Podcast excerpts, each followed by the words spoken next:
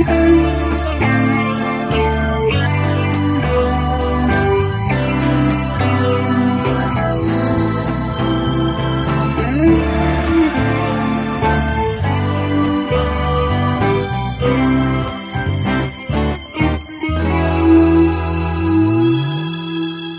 och hjärtligt välkomna ska ni vara till podcasten Ett gott snack. Jag och Fredrik har tagit oss till Saltsjöbaden där vi sitter idag eh, tillsammans med dagens gäst Dan Myrman. Varmt välkommen. Tack. Eller ja, det är ju vi som ska känna oss välkomna kanske. Det bor jättefint här. Ja, här är fint. Ja, vi, eh, vi bodde inne i stan från början och på Karlbergsvägen. Och så fick vi två, vi har fyra flickor, alltså fyra barn. Och vi hade fått två barn. När, eh, eh, och vi hade väl tänkt bo där tills någon av dem skulle börja skolan och kanske se oss omkring och flytta iväg sådär va. Men du vet när de var, alltså Sofia var väl fyra, fem sådär och eh, Emma var kanske två. Man skulle gå till Vasaparken, enda sättet för dem att komma ut och leka. Det gick inte bara att släppa ut dem sådär va. Då kryssar man mellan hundskit och, och bilarna, de bullrar så man hörde inte vad man sa. Då började vi se oss omkring alltså. Och, eh, och vi tittade förutsättningslöst runt Stockholm och vi tyckte det här var fint alltså. Mm, det kan jag förstå. Ja, och när vi kom till det här huset då var det byggmästaren, byggmästaren byggde det här för att bo här själv. Men han hade hamnat i lite ekonomiskt problem sådär. Så att han var tvungen att sälja några av sina objekt och eh, eh, ja, då köpte vi det här. Okej. När var detta? 82. 82. Vi hade, jag hade precis varit färdig med Fan Alexander Okej. när vi flyttade hit.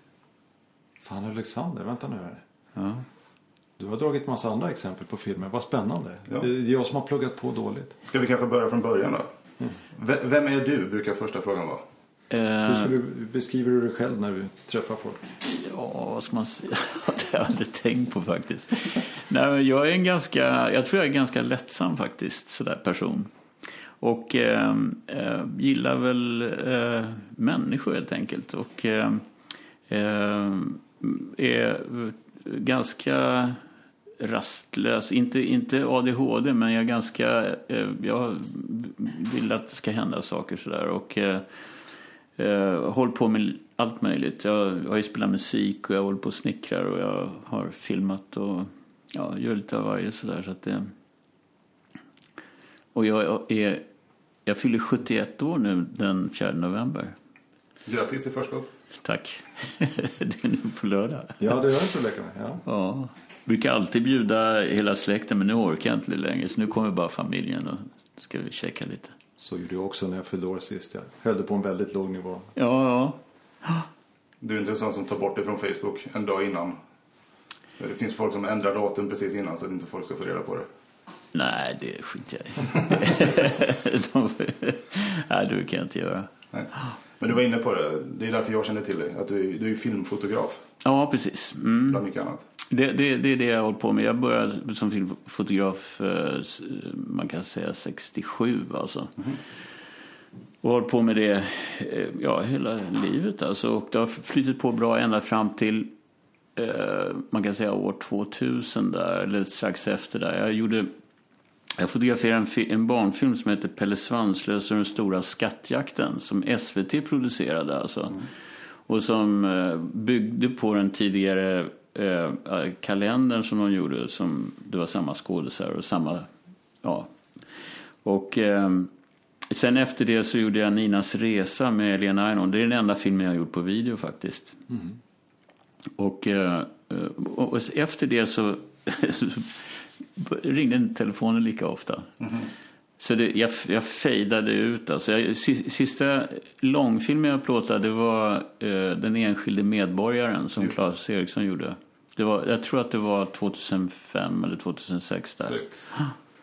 Och sen har jag väl gjort lite små grejer efter. Men, alltså, men det var ganska jobbigt. Alltså när det tar slut sådär va. Och det, det intressanta är att när man har hållit på så länge va, så tycker man själv, alltså det kanske inte andra tycker, men själv tycker man man börjar bli ganska bra. Alltså. Man, man känner sig trygg med det man gör och, och så vidare. Och då vill ingen, eh, då hör ingen av sig längre. Men, men det funkar ju så att man eh, man inleder samarbete med vissa regissörer så där, va? och som eh, förhoppningsvis återkommer då. Så där. Och när de slutar att göra grejer då får man ju själv försöka se om sitt hus. Och Nu har ju de flesta agenter. Det var ju inte aktuellt. Alltså det hade man inte då. Liksom. Även regissörer? Ja. Eller förlåt, även fotografer? Ja, visst alltså. Alla nästan har agenter. Och, eh, jag kan förstå att det är ganska skönt för då har man någon annan som förhandlar åt den när det gäller eh, ersättning och sånt där. Men eh, jag har alltid gjort det själv och, man var van med att folk ringde och så vidare. Och, så där. och då tog det ett, ett tag innan man började haja att man kanske skulle se sig om efter en agent. Men eh, ja, då var det nästan, då var det väl kört sådär. Så att, men nu, nu har jag vant mig vid det. Nu, jag, jag håller på med en, eller jag håller på med en film faktiskt för K special, för TV, mm. SVT. Som en kille som heter Ali Bouriri har dragit igång och det handlar om sufism. Alltså sufism är en gren av islam.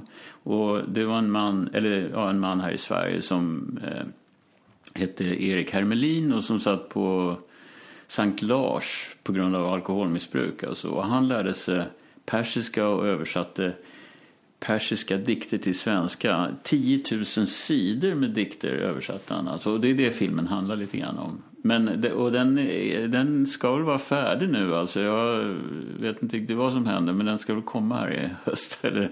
någon gång framöver här i alla fall. Så det, men annars så gör jag direkt ingenting alltså, som har med film att göra. Jag har gjort lite grann åt golfklubben sådär. De startade en, de startade en, en brevlådeklubb här som heter Solsidan GK. Mm. Och då bjöd de, alltså alla de som är med i serien Solsidan blev hedersmedlemmar. Mm. Och då var han eh, Felix Herngren där och invigde det hela. Och, och då filmade jag det lite sådär så de kunde lägga ut på sin hemsida. Och så. Ja, ja. Ska vi återvända till starten där? Hur kommer det sig att du, du vad sa du, 67? Ja, precis. Jag, jag, jag eh, spelade i ett rockband som heter Moniacs, The Moniacs. Mm. Och eh, vi började spela, jag tror det var 62.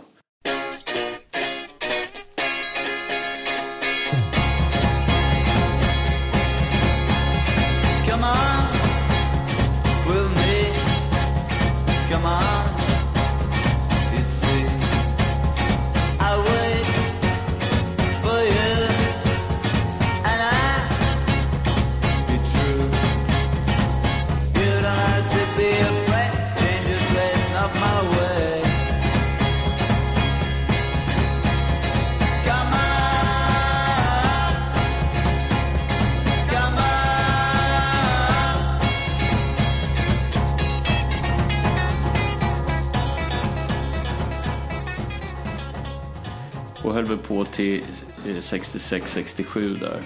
Och gjorde några skivor där och turnerade runt. Och, så det var så ja, seriöst? Det var inte bara ja. garageband? Utan... Nej, utan vi, vi levde på det där. Alltså. Ja. Och du spelade bas? Och jag spelade bas, ja. ja.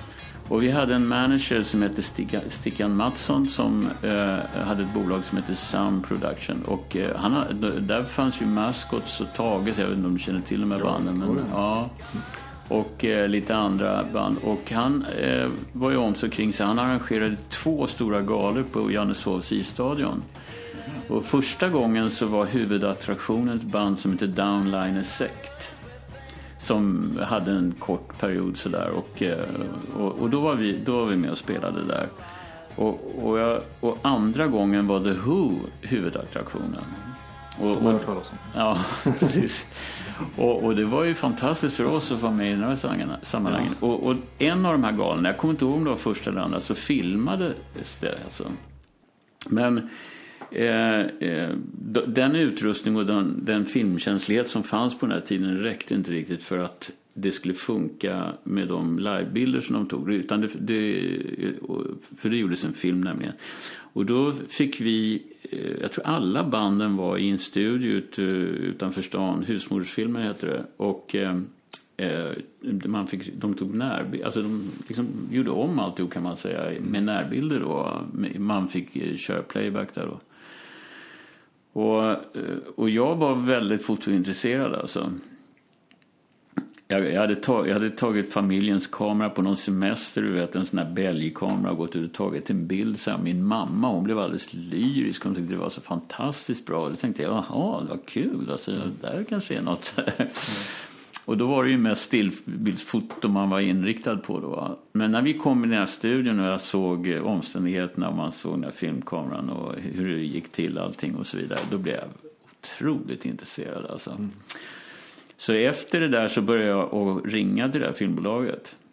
Och då spelade vi fortfarande, men det var liksom på, på, på väg att fejda ut det där eh, spelandet för vår del. För att det var mm, eh, efterfrågan på rock'n'roll då liksom avtog på något vis. Det blev mer dansmusik och sådär och vi var inte så sugna på det.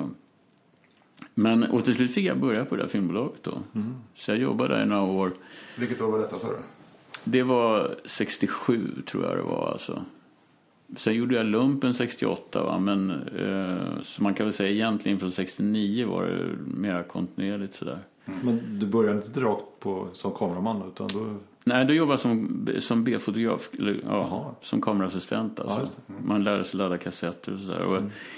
En av de första filmerna jag var med och jag kanske inte allra första, men en av de första i alla fall, som, eh, en film som heter 47an Löken. Mm. Där bland annat Janne Loffe Karlsson spelade 69 alltså. Mm. Och eh, Lasse Åberg var med och sådär. Eh, där gjordes filmen, alltså den här, eh, han som hade det här filmbolaget, Rangfilm hette det. Han, eh, eh, vi hade gjort en film innan, en amerikansk film som heter AWOL och där sparades alla de film, alltså snuttar som blev över. De kan vara 30 meter och 40 meter och 60 meter och så här. Det spades då. Va?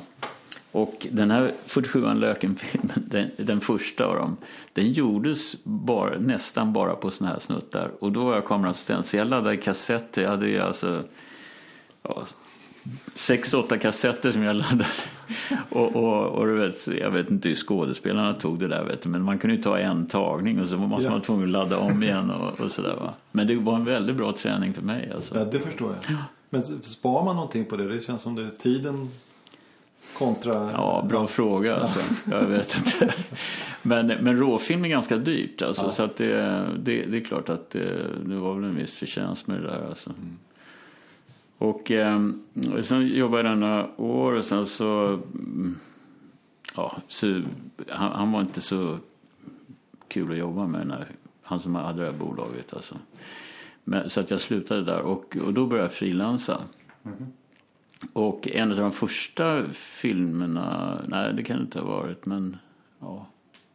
Ja, det var där i början så jobbade jag på Bröderna Lejonhjärta bland annat. Mm med en fotograf som heter Rune Eriksson som var avfotad där som jag hjälpte.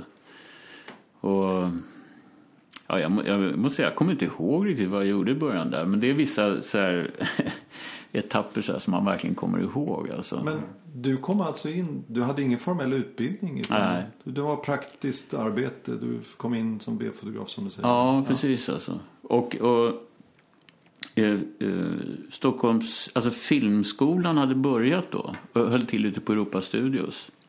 Ute i Solna eller? Ja, precis. Mm. Där vi för övrigt spelade in våra tre skivor.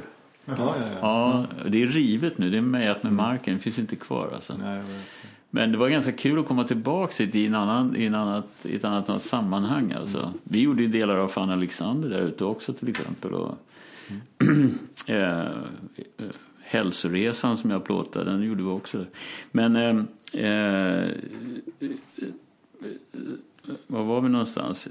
Eh, Bröderna Lejonhjärta? Ja, jo, just det. Vil, vil, vilka, eh, eh, alltså vilka filmer man med gjorde där i början. Alltså, men jag jobbade från... Jo, just det, var det jag skulle säga. Filmskolan fanns där ute på Europa Studios.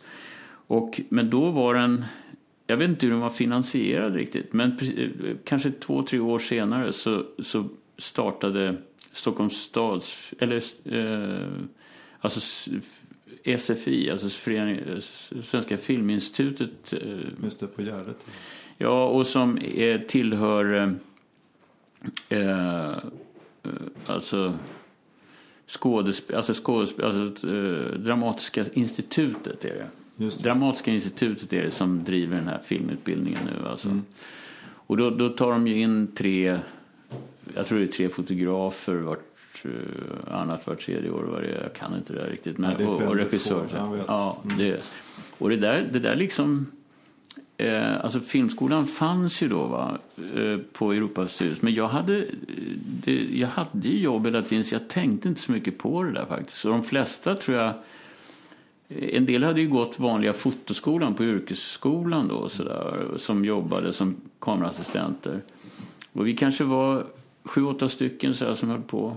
Så det var ju hur mycket jobb som helst. Man, man eh, ja, att, eh, det är klart, man, ibland tänkte man på filmskolan sådär men, men, eh, men sen, eh, ja, inte vet jag, en tid senare då, då, då, blev det ju nästan så att hade man inte gått filmskolan så var det nästan svårt att få något jobb. Liksom, man, man, alltså, man kan säga att de flesta producenter är, var, är inte så kunniga så att de kan göra en bedömning om man är kvalificerad eller inte. Utan de går ju på meriter då. Sådär, ja.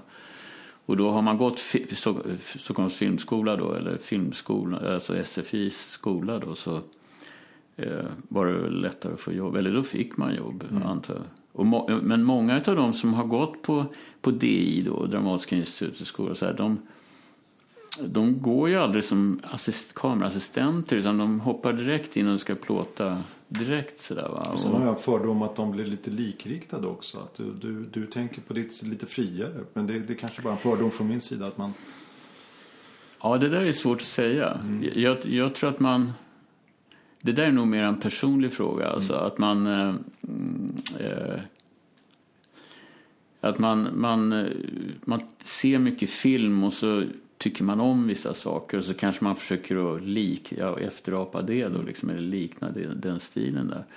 Och där, där är det ju härligt när någon, eh, alltså även när det gäller musik eller vad det än är, att man, att man har en egen stil. Att man inte försöker likna någon annan utan man gör sin egen grej. Och jag har nog varit mera så att jag har man har sett hur andra jobbar och så vidare. Och sen är det klart att miljöer och situationer och möjligheter och sådär gör att man gör på ett visst sätt.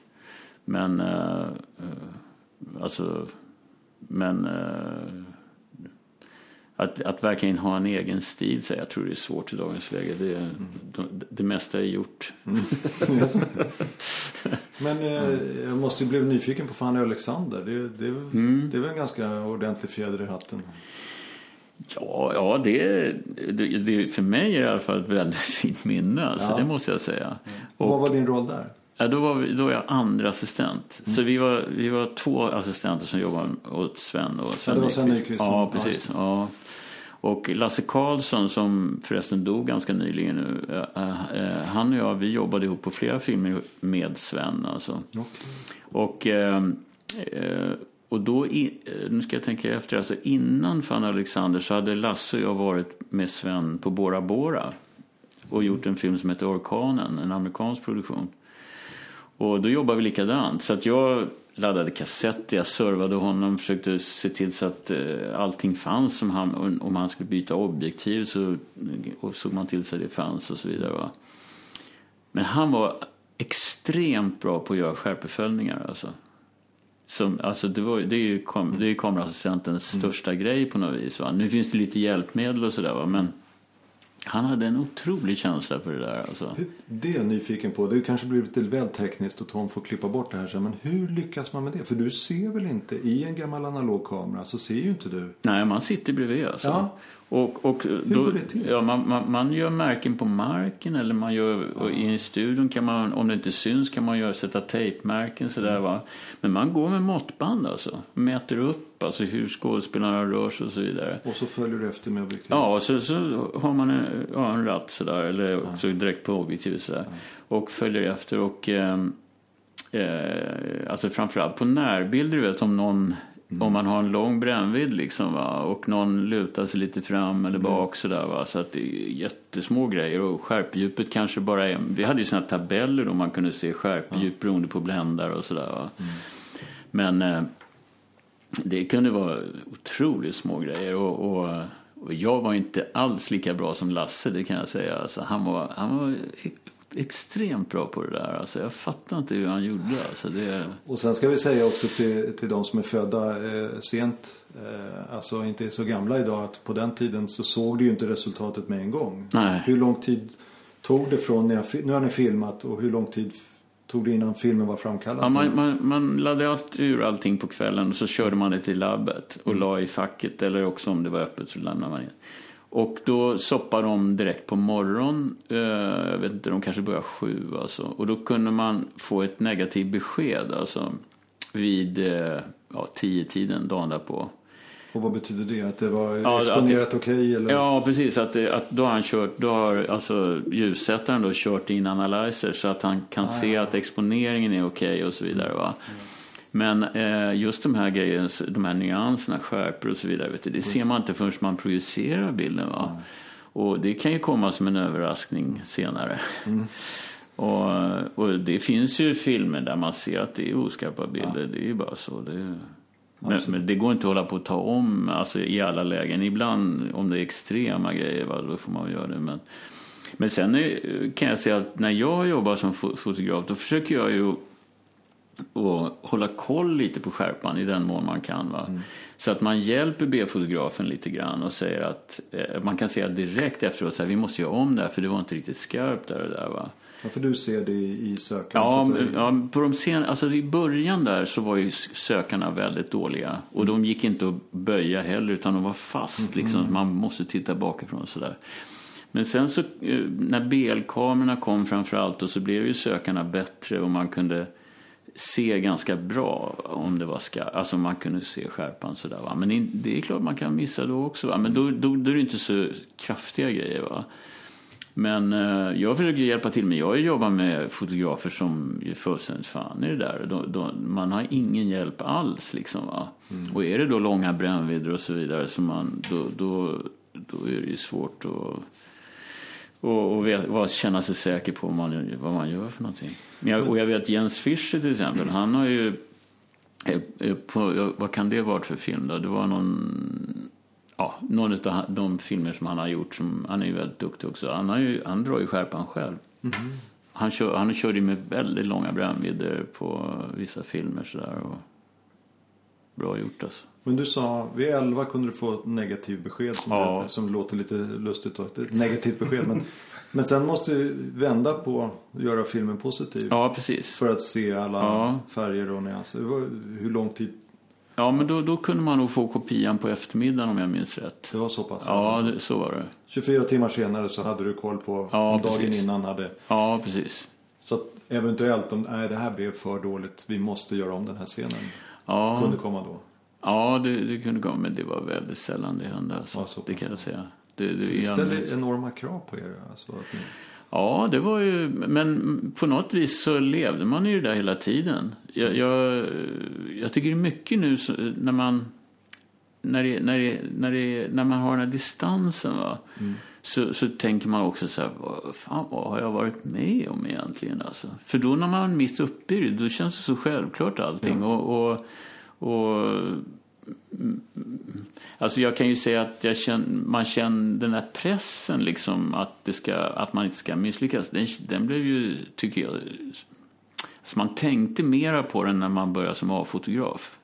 När man liksom står som verkligen ansvarig och man liksom, ja man har elektriker, passare, B-fotograf och så vidare. Alla, man är ansvarig för alltihop och dessutom så ska man ju verkligen exponera rätt. Alltså, Så att man inte underexponerar eller sabbar på något annat sätt. nej, för det är också en detalj. Skärpan har vi pratat om Mm. nu. Men exponeringen är ju också någonting som du inte ser med en sån kamera. Utan det måste du ju vänta på. Ja, du måste ju ha precis. koll på Ja, bländare och, och, ja, och ljuset är ju också någonting som fotografen har ansvaret. Ja, Även om precis. du nämnde elektriker nu så. ja så men du, alltså han är ju ett redskap då Ja. och, och förhoppningsvis så är det en duktig kille som kan hjälpa en lite på traven sådär va. Men själva idén om hur man vill ha det och sådär, det, kom, det, det, det har man ju som fotograf då. Sen kan ju han då ja, föreslå utrustning. Det, det är en väldig utveckling på det här området. Nu på senare tid är det så mycket så jag känner till det. Alltså det är mycket LED-ljus och sådär va. Som jag har använt lite grann och det är fantastiskt alltså. Inte så mycket värme. Och, Nej, precis. Och det är ganska mjukt och man kan ställa om från dagsljus till glödljus. Och det, är, allt- alltså, det är fantastiskt. Liksom. Och det, nej, för film. eh, Jag har ju bakgrund i, i teaterljus. Men Ja, ja. pratar vi inte om samma varken storlekar eller styrkor. men det är 5 kilowatt är inte, det var inte ovanligt. Nej, vi hade ju, vi hade ju 12 vi hade 18 kilowatt där alltså. HMI-lampor. Jösses, En- som måste stå... Ja, för fan alltså. Stativen vet du. Du, du måste nästan ha lyftkran för stativ liksom va. Jösses. Så att det, det, det och, eh, men eh, vad ska jag säga, femmor, två och en halvor och, och sådär var ju väldigt vanliga. Ja. Alltså, det, det kan man säga. Ja, vi hade en femma en gång. Det var så- annars så låg de på ja, 1200 watt. Det var vår starkaste. Ja, ja, Eller okej. största. Men Ja. vi hade för effekt man skulle, en dörr som skulle öppnas i fonden bara så jättelys Ja, ja, inne. okej. Så Ja. det var, oj vilken stor lampa. Ja, Det var en liten femma. ja, det var lite tekniskt. Förlåt mig. Jag Mm. tyckte det var det. Nu vet jag att Tom har frågor om eh, andra filmer också. Eller andra frågor. Ja, men jag kan bara berätta det också att, Ja. att eh, då ännu tidigare så hade man ju eh, kollampor, alltså eh, vad hette det nu? Bågljuslampor, alltså brotar.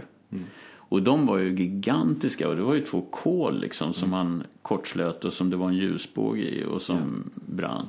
Och trots att de var så stora och osade och fräste och hade så, vet du, så var ju de här HMI-lamporna när de kom, de var ju enormt överlägsna alltså. Och nu har det ju hänt ännu mer saker på det området. Så att eh, och HMI, HMI var ju eh, från början, så de, de tänder ju och släcker väldigt fort de här.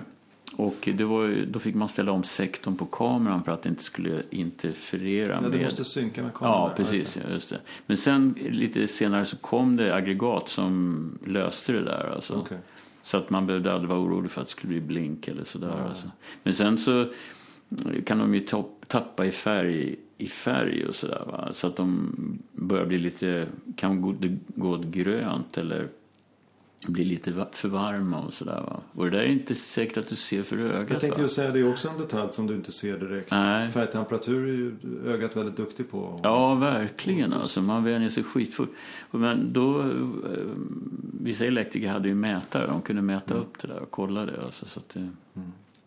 Men jag måste berätta lite mer om Sven. Alltså, för att, Ja. eh, eh, då var vi på Bora Bora och gjorde den där filmen. Och sen så gjorde vi en film som heter Offret också på Gotland. Och, och då jobbade Lasse och jag också ihop med och hjälpte Sven. Då liksom. och, eh, och där hade vi ju, känner ni till den där filmen Offret? Det var Andrei Tarkovsky, den ryska regissören som gjorde den där. Och där hade han en, han, han ville ju inte klippa, han hade långa scener alltså. Han kunde vara 6-7 minuter alltså. Du vet en, en, en sån där 300 meters rulle räckte i 10-11 minuter va. Så man, det gick nästan en hel rulle varje tagning sådär va. Och det var många olika positioner och så vidare va. Och då hade vi en scen där där huset som var byggt nere på Gotland på När, ute på en holme där alltså. Det var, det var eh, byggt alltså för filmen. Och eh, interiörerna gjorde vi här på Filminstitutet i Stockholm. Och det här, det var en lång åkning så här. Eh, där folk kom in i bild, gick ur bild, eh, folk cyklade fram och tillbaka. Och hela tiden så skulle det här, varje gång huset kom in i bild va, så skulle det ha minskat va. Och när scenen var slut så skulle huset vara nere vid marken.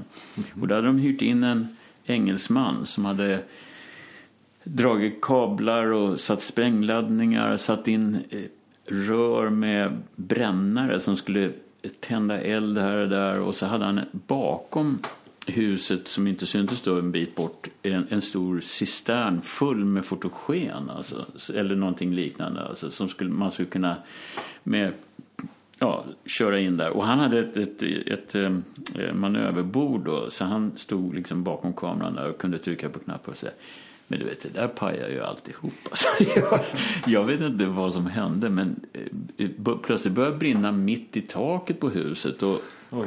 och det, ja, det brann fel och det, allting.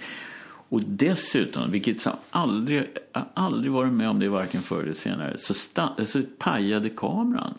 Mitt i alltså. Den skar på något vis va. Oj. Och, um, och jag tyckte synd om Lasse för att det, var ju eh, på något sätt kändes det som att han liksom blev ansvarig för det där. Men det kom ju fram att, att det var någon, någon legering i griparsystemet alltså som gjorde att det, den skar helt enkelt. Va? Så att Arri gjorde någon undersökning och kom fram till det. Men då, eh, det är en sån här sak, det tog väl två dagar. Anna-Lena Wibom var producent där och hon gick där och vankade på vägen och så efter ett par dagar så sa hon så här, okej, okay, vi gör om det. Så de byggde upp ett nytt hus alltså. Oj. Och då var det en av eh, en brandkille, Lasse, jag kommer inte ihåg vad han heter nu.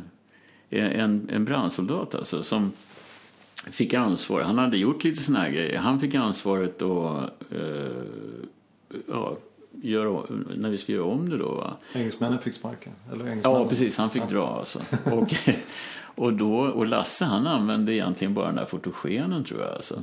Så han körde på med fotogen och det brann så enormt alltså. Mm -hmm. och, och då dessutom så eh, körde vi med två kameror.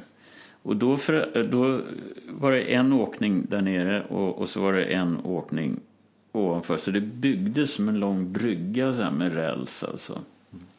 Och eh, eh, ja, nu när jag tänker efter så var jag faktiskt, eh, hade jag en deal att om det, om det skulle vara så att man skulle köra med två kameror då skulle jag operera den andra kameran. Mm. Och det gjorde jag på den första tagningen också men då stod jag still i änden på på rälsen så jag panorerade mera med sådär va. Mm. Och jag sa det också, jag har de här bitarna just där kameran stannar, det har jag väldigt bra i min kamera så här. Men André han tyckte att då var magin bruten och man var tvungen att klippa där va. Mm. jag kan förstå honom på ett sätt mm. sådär. Men nu när vi gjorde om det då, då var det två rälsar, en lägre och en högre. Och jag körde den där lite högre upp och Sven hade den där nere. Och så fick man ju åka lite längre med våran kamera för att få samma vinkel då och så, och så vidare. Och, eh, och det där var ju otroligt nervöst för mig alltså. Mm. Så att, men du opererar inte själva åk... Alltså du, du har personer som kör? Ja, precis. Då har man en passare som kör, som kör eh, själva vagnen. Då. Så han måste veta tempo? Ja, precis. Men han, ja, han hade ju Sven där. Ja, och eh, jag har faktiskt Daniel Bergman som var passare på svensk kamera. Mm. Da, Daniel, han är mm. Ingmars son alltså. Mm. Ja han jobbade som passare på den tiden. Han, han började ju regissera sen och sådär. eh, och, eh, eh, och jag var ju så nervös. Och, jag, och sen hade vi, bo, vi hade bodar längre upp, blåa bodar som stod som produktionskontoret liksom var, som stod upp i dungen.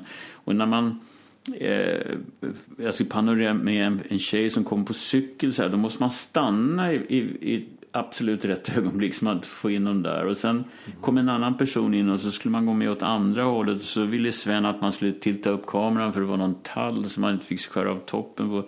Ja, det var en massa sådana här passager. Och, och jag var så nervös innan vi började. Men sen när vi väl började, va, då, då kändes det bättre. Liksom. Och, ja, då, då, man kände att man hade koll på läget och sådär. Och sen fick jag reda på långt senare utav han som klippte filmen, Leszelowski, att eh, att eh, det var min tagning som de hade använt. Och det var inte på grund av att jag gjorde ett bättre jobb än Sven utan det var det att min kamera var lite högre. Va? Och det var fullt med vattenpölar framför i, i, på marken där. Och då speglade sig elden så fint i de där vattenpölarna. Så att, eh, det var den tagningen som använts. Så det är ganska kul kuriosa ja, faktiskt. Ja. Vilket år var detta? Eh, det var 85 tror jag det var. Mm.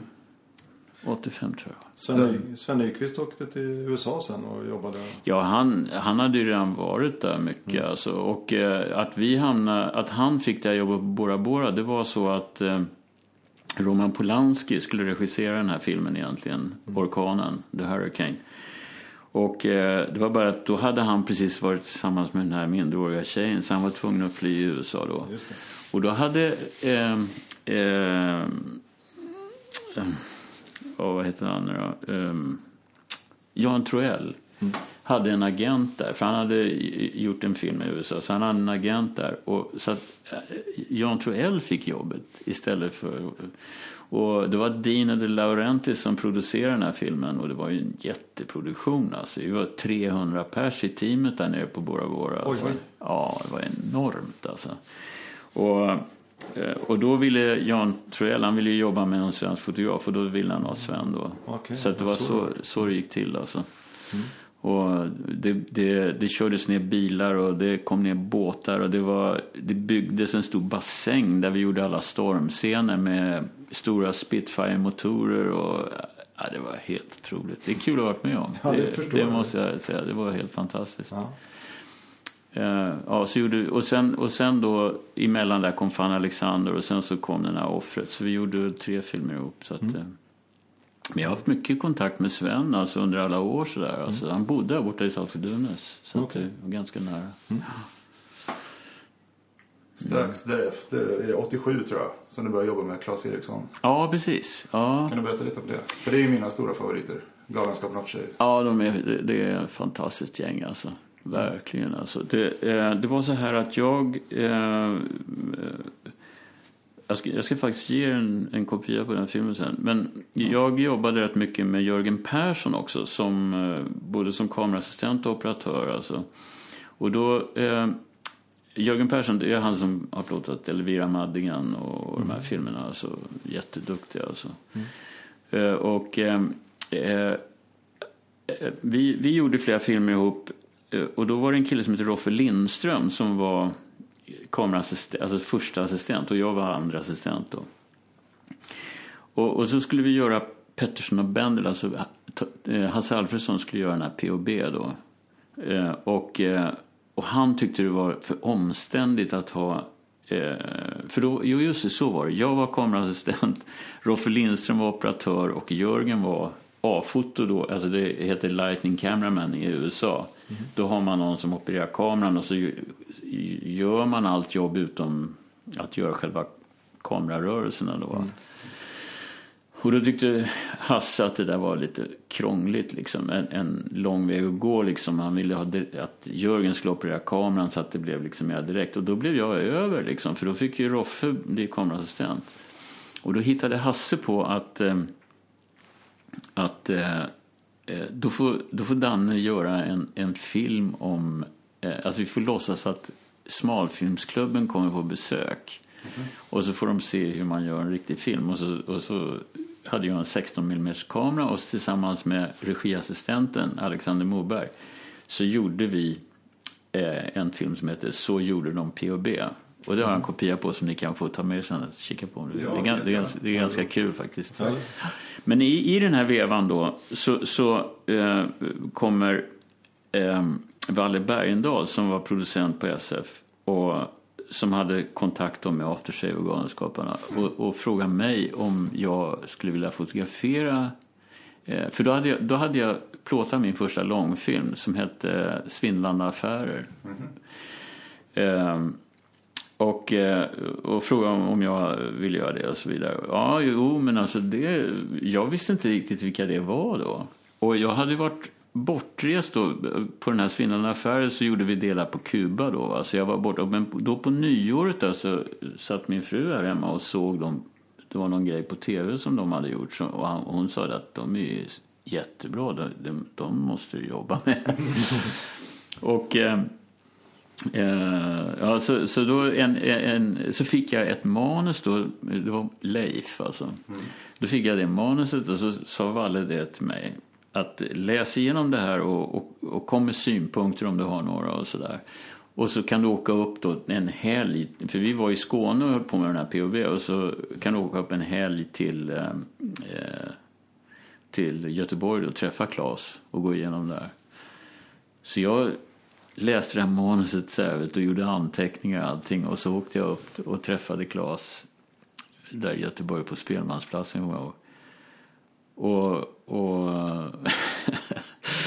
och jag framförde mina synpunkter. Vet, jag såg ju Claes, han blev bara mörkare och mörkare. Så här, och jag vet inte vad han sa efteråt, men alltså, grejen var det att ingenting av det jag hade sagt det skulle komma i fråga. Liksom, utan nu ska den här filmen göras precis som det står i manus. Liksom. Alltså, det var, det var liksom budskapet. Och jag kände liksom att jag undrar om han verkligen vill. Men han, tyckte var, han, han, han har sagt efteråt han var imponerad över hur noggrann jag var där. Så det hade väl sin betydelse. Men han, att- man får det intrycket att han är ganska mån om, han vill ha kontroll. Ja, alltså absolut. Ja. Men han har blivit... Alltså, sista filmen vi gjorde nu, då när man, eh, alltså man, man har en tanke när man sitter på kammaren hemma och ritar något. Han, han, han gjorde ju bildmanus alltså, till, till alla eh, scener i alla de filmer vi har gjort. Alltså. Och han ritar inte så bra men det är väldigt tydligt hur han vill ha det. Va? Storleken på bilden och hur, vilket håll de tittar och så vidare. och så där, va? Men eh, eh, Ja, så att... eh, Men på senare tid nu så tycker jag han har blivit mycket mera... Eh, alltså han, och det beror ju på att han har erfarenhet. Va? Han, han, han vågar alltså improvisera mera om det behövs. Inte om det inte, men alltså om det behövs så kan han ändra sig och sådär. Men, eh, men jag kommer ihåg första gången jag, när vi höll på med någon åkning och det var att jag kommer inte ihåg vilket det var nu, men det var omöjligt att få det där att fungera. Alltså, det var så mycket timinggrejer och sådär. Då sa jag att ja, men vi kan väl ta en närbild här och så, så, och så där. Men nej, det, det var det inte tal om alltså, utan det skulle verkligen göras som det Men eh, jag tror Claes har sagt någon gång i efterhand så här att det, det var ju dumt att man inte tänkte om i de där lägena. Alltså för att man kunde ha fått lite eh, mer flyt. Och dessutom om man har lite mer bilder att klippa till så kanske man kan eh, ja, få bättre tempo i scenen och sådär. Det var... Men eh, då gjorde vi Leif och sen så kom ju Hajen som visste för mycket. Just. Och sen var det väl uh, Stinsen brinner tror Ja, jag. Macke var det emellan tror jag. Ja, var det emellan där kanske? Ja. 1990. Ja, du gjorde tv-serien också. Nej, Nej. men det, det en gjordes en film också Jaha. som heter Mac... Alltså, eh, Macken del 7. Ja, ja, ja, eller Macken eller Sökandet efter pappa. Eller, Eh, ja, jag låter det osagt. Undertiteln har jag inte lagt på minnet. Ja, Macken men det var- 7, sa de inte det? Jag tror det. jo, det kan hända alltså. Och, eh, eh, och sen så...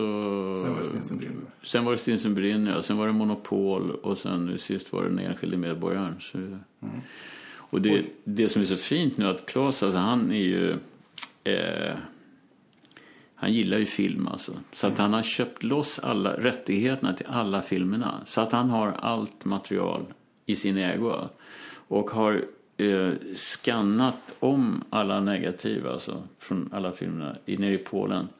Och i, på Chimney här i Stockholm har de gjort dem rena och fina så jag tagit bort alla, allt skräp och sånt. Och sen har jag tillsammans med en kille i Göteborg då, ljusat alla filmerna igen. Och det har gjorts nya digitala kopior, inte filmkopior, digitala kopior. Så alla filmerna är uppdaterade alltså. Och eh, Jösses. till nyskick alltså. Det är fantastiskt alltså. Ja, jag har dem på Blu-ray. Det är ju väsentlig skillnad där. Alltså har, har, har du det? Jajamän. Hur, hur har du fått det då? Alltså, de har ju släppts på Blu-ray. Jag har köpt dem. Alltså de är ute redan? Jajamän. Alltså. Okej, för Men jag är vet... de uppdaterade då. Ja, Remastered heter det. Ja, precis alltså. Ja. Jo, för jag vet att eh, det var han, distributören, videodistributören var väldigt eh, intresserad och på sådär va. Och ville få ut dem alltså. Så att, eh, Och jag tror att eh, Folkets Bio tror jag det är, eller vilka det är, som har visat stort intresse för att köra dem igen alltså. Och det är ju... Men var det de... Jag jobbar ju som sagt på en biograf också. Där hade vi, precis när jag började för två år sedan, så hade vi... Claes var ju på besök där för vi visade någon film. Var det den uppdaterade versionen? Nej, de- dessa kom nu i somras. Ja, okej. Ja, just det. För, för det, det undrar om inte det var såna här beta-kopior som var det var. oerhört mycket sämre. Alltså det var ju gränsfall om det gick att titta på tycker jag. Alltså. Ja, jag vet faktiskt, jag tänkte inte på vad vi Ja. visade. Nej men när man inte har något att jämföra med så, där, så kanske Nej. man tycker att det är rätt okej ändå. Va? Man accepterar det, ja. Ja. Men när man ser skillnaden alltså, så är det ju... Ja, det är fantastiskt alltså. Ja, det är otroligt alltså. Och jag tycker... Eh, det som jag är nästan mest häpen över det är den sista filmen, Den enskilde medborgaren. För den gjorde vi på Super 16. Och där kan man väl säga att helbilderna ser man att det kanske inte håller riktigt. Alltså, för det är där det märks mest. Men närbilderna är fantastiskt bra. Alltså, rent tekniskt menar jag. Alltså. Otroligt bra. Hur kommer det sig att man gjorde det på 16? Ja, det är ju en kostnadsfråga. De, de ville ju göra det på video och jag eh, slogs ju lite för att göra det på film då och sådär. Och till slut så gick de ju med på det då. Alltså, och, eh, men men det, det, är ju, det där är ju en ekvation som är... Alltså man, man kan säga att gör man det på video så, så kan man köra igång direkt.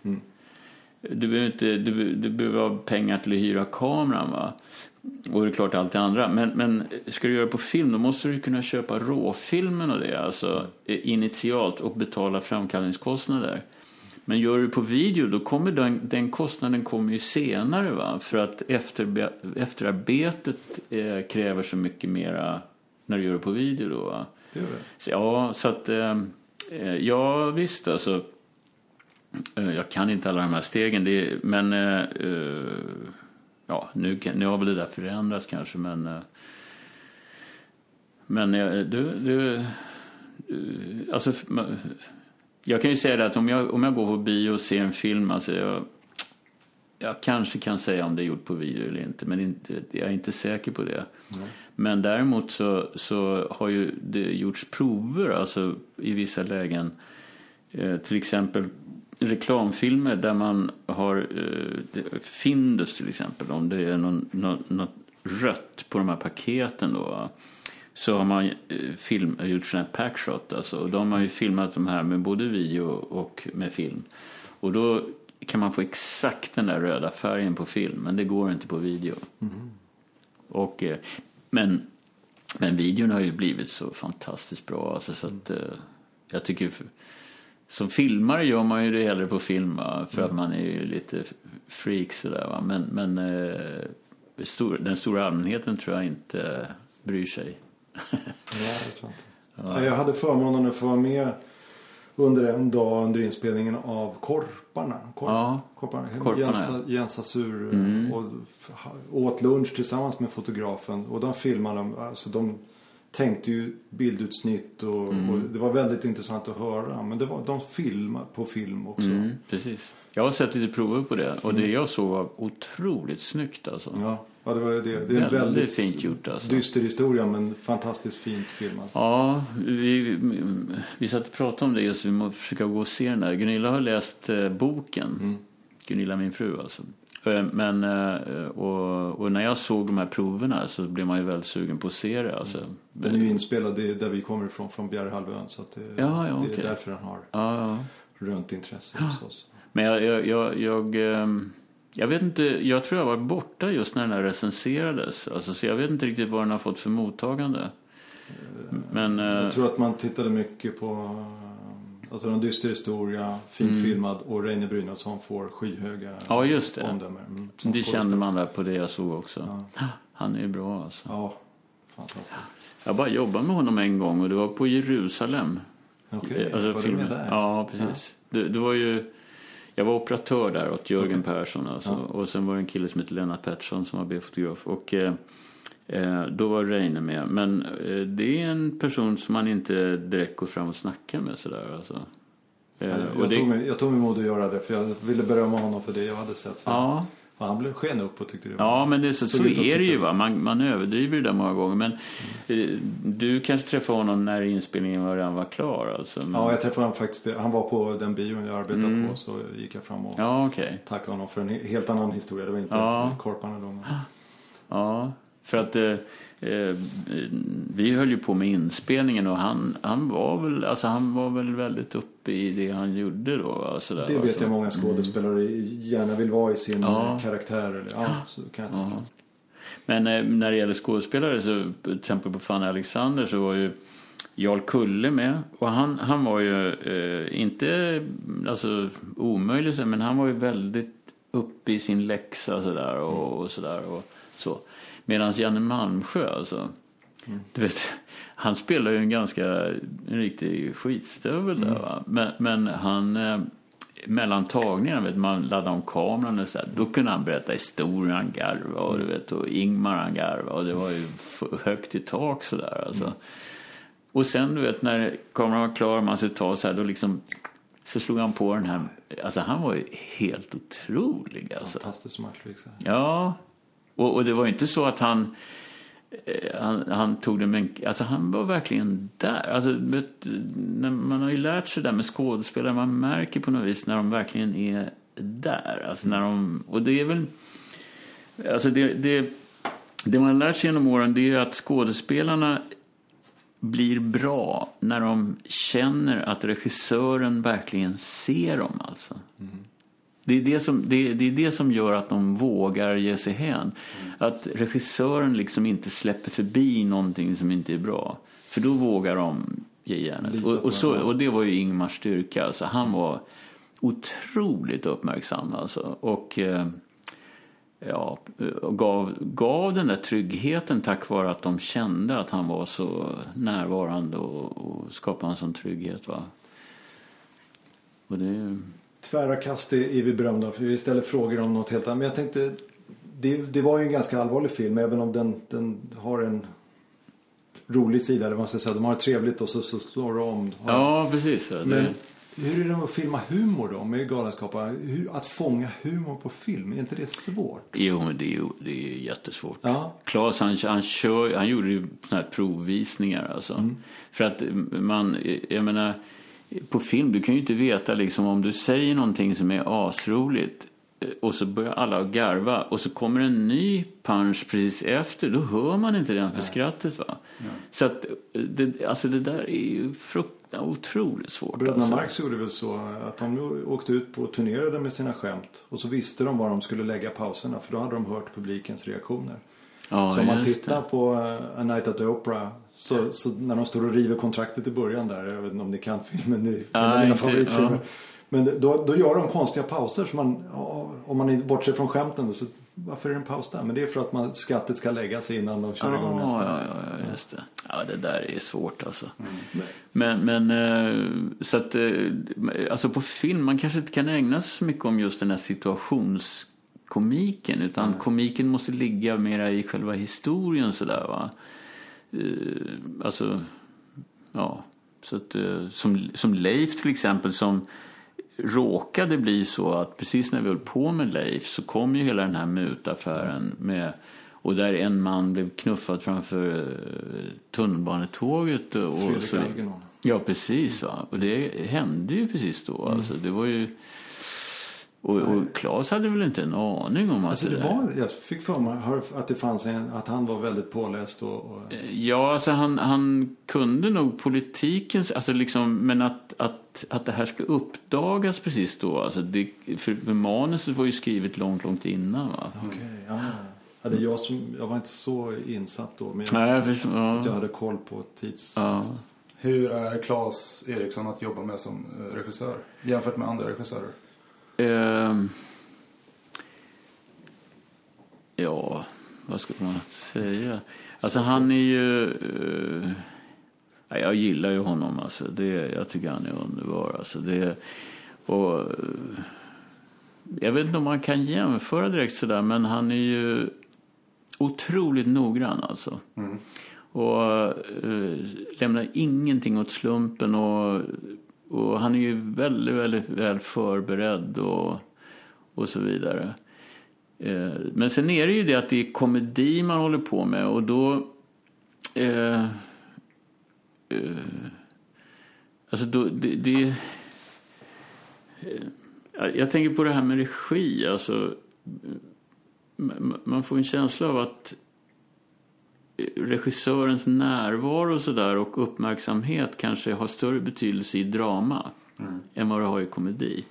För komedi, där, där är det inskrivet på något vis i manuset om man, alltså, och själva skämtet, eller vad ska man säga, det roliga, det, det finns liksom i texten mera sådär. Alltså, så att det... Eh, men, eh, men alltså... Ja, alltså bara det att Claes är så... Eh, ja, alltså påläst, noggrann. Sen, sen är det ju han som har liksom hittat på alltihop. Va? Så, så det tror jag gör att alla känner sig väldigt bra. För att man går åt samma håll. Sen är ju, sen är ju alltså de här gubbarna alltså runt omkring, alltså Knut och Per allihopa, alltså de är ju fantastiska. Och Peter Rangmar som dog liksom. va? Han var ju, han, Alltså om man ska säga rent filmiskt, Anders är ju väldigt duktig också. Men, men Peter var en väldigt, han var en riktig filmskådis på något vis. Va? Han, han kunde det där med att eh, kanske ta ner lite i närbilder och spela lite mer i större bilder och, och alltihop det där. Va? Så att, eh, men, eh, men de är ju... Eh, jävligt roliga. Alltså det, men, men man kan ju säga att det är inte så att man går omkring och, och, och garvar på dagarna. För att det är ju väldigt mycket det gäller hela tiden. Va? Man ska bara bli färdig i tid och, och så vidare. Va? Ja. Men, men alltså vi ser en, en långfilm då, då när jag höll på som mest. Inspelningstiden låg kanske kring 40-45 dagar sådär va. Men i Leif, jag tror vi höll på i 72 dagar. Oj. Ja, för det var så utdraget. Alltså bara den här biljakten som filmen slutar med. Va? Jag tror vi höll på med den i flera veckor. Alltså. Ja. Och hela den där läktaren vet du, som skulle åka av flaket. Och, ja, ja, herregud. Alltså. Det är rätt avancerat. Ja, det, Speciellt då antar jag. Ja, visst, det gick ju inte att göra. Vi, vi, vi kunde... Alltså den, den där läktaren häng- hängde ju vajrar och de kunde man på något sätt måla bort. Men i dagens läge hade det ju varit en baggis. I, I dagens läge hade man gjort det på ett annat sätt förmodligen. Va? Ja. Men ehm, då var det ju liksom analogt allting och sådär. Så att det... Eh, ja. Jag har en fråga angående Monopol. Ja. Eh, Det finns en väldigt berömd scen där med massa djur. Ja. Ja, kan du berätta lite om den? Den scenen. Den är rätt sjuk för de som inte har sett filmen. Ja, och visst. din initiala tanke när du fick reda på detta. Jo, eh, eh, vad sa du? När... Alltså din tanke när du fick reda på Alltså- att du skulle göra detta. Ja, det, det minns inte jag riktigt. Men, men då hade SF Studio ute i Kungens Kurva. Eh, det, det, de hade... Bonnier hade, eh, som ägde SF då i alla fall, ja det gör de väl fortfarande.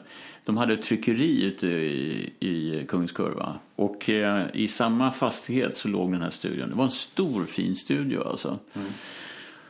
Och eh, Klas idé var ju att, att eh, Du sköna nya värld heter det väl sången. Alltså, då ska läktarna dela på sig så här. Och så ska det komma in djur alltså. Och jag vet att det pågick en massa snack och eh, jag, jag förstod ju inte riktigt hur de skulle lösa det där. Men då fick de ju kontakt med en cirkus som kom upp dit. Och som hade ju då kameler och elefanter hade de väl, Ja, tror jag. Ja, och, och någon oxe med stora. Och de släppte in alla de där djuren i tryckeriet där, vet du. Och där sker, de bajsade och kissade där inne, vet du. Och det var ju... det bland alla de här pappersrullarna där. Och eh, i alla fall. Och, eh, och vi förberedde och ljussatte alltihop och så vidare. Men sen var det då att de här läktarna, alltså de, eh, det vart något vajsing där om de skulle, de, de skulle ty, gå med någon elektrisk motor tror jag det var. Men det där pajade alltså på något sätt. Och då skulle de dra dem där för hand. Och då blev starten så svår för dem som stod på läktaren va? så att de riskerade att ramla ner i den här öppningen som uppstod. Va? Ja, ja. Och vi höll på med det där, vet du. Och eh, det går en historia om det här, alltså. Att eh, eh, Claes sa så här. Här, han sa någonting om att det här är den största jävla skandal som har förekommit. Alltså. Då var han riktigt, riktigt arg och sur. Alltså. Och, och, eh, och jag tror det är en kombination med någon slags besvikelse, nervositet och så vidare. Att, att man har hållit på så länge och förberett och sett det här framför sig och sen eh, så, ja, så pajar av någon anledning. Och, och då kan man ju lätt känna liksom att det är någon som inte har gjort sitt jobb riktigt. Sådär, va? Men det får man ju liksom försöka strunta i det där läget. Utan man försöker lösa Och då råkar jag höra två statister alltså, som säger så här att om vi håller, varann i, håller i varann så kommer vi att kunna hålla... Alltså då, då blir man som ett långt led, så då, då ramlar man inte. Ja. Och, och när Claes precis hade sagt det här, då sa jag till Claes här, du, jag har hört att om de håller i varann så, så, så funkar det. Och han sa ingenting, vet du. han bara satt där vid kameran vet du, hade så här. Och, och, och så, ja, så sa han så här, okej, jag har hört det här genom Danne och så vidare. Vi, vi, vi gör ett försök med det så här. Och då funkar det. Och, och sen var det ju det att den, jag tror- vet inte om det var den där oxen eller vilken det var som halkade på golvet och benen for åt alla håll och, och sådär va. Men äh, det var, äh, fy fan alltså. Gick det att ta om den sen? Det låter som en en, entagningsscen. Ja, Alltså, det, det... Nej, vi hade två kameror då. Och att, ja, Ja, det var Stefan Kullänger. Om ni vet vem det är. Han bodde här ute också för En duktig fotograf. Han körde en kamera faktiskt. Okej. Kommer jag ihåg nu. Så vi hade två kameror där. Men jag vet inte hur det är klippt. Om det är använt någonting från hans kamera. Men, eh, men eh, eh, men, alltså man kan säga generellt. Alltså alla, I alla Klas filmer så ingår det någonting som är så fruktansvärt svårt att lösa. Alltså. Och jag fattar inte, liksom, jag hittar alltid på någonting som är ja, omöjligt alltså. Men, men, som, men som med alla krafter löser sig då. Inte helt omöjligt tydligen. Nej. Eftersom ni lyckades. Ja, vad kul. Ja, precis alltså. Men du nämnde innan vi drog igång en inspelning lite om redigering också. Redigerar du någonting? Klipper du någonting? Nej, jag, jag, I början av- så var jag faktiskt, eh, då när jag började i filmbranschen så fick jag möjlighet att åka upp till eh, SVT i Karlstad. Och, och, och då hade jag lärt mig lite där på rangfilm och klippa liksom och synken och sådär. Alltså i ett sånt här Stenbecksbord då alltså. Och, och då gjordes allt på film också, även på, på tv då. Det var ju ja, början på 70-talet eller där omkring. Och då klippte jag Hike, bland annat. E- Ett, en sån där avsnitt på Hike alltså. Roligt. Och, eh, ja, och eh, så klippte jag lite andra grejer, någon sån där sportkrönika och lite sånt där. Alltså. Så då, då lärde jag mig lite det. Men sen har jag aldrig hållit på med det direkt, alltså senare. Jo, just det. Det, det var faktiskt så att den här, så gjorde de P.O.B. den här filmen som eh, handlar om Hasses film där. Eh, den klippte jag tillsammans med Hasse Alfredson. Okej.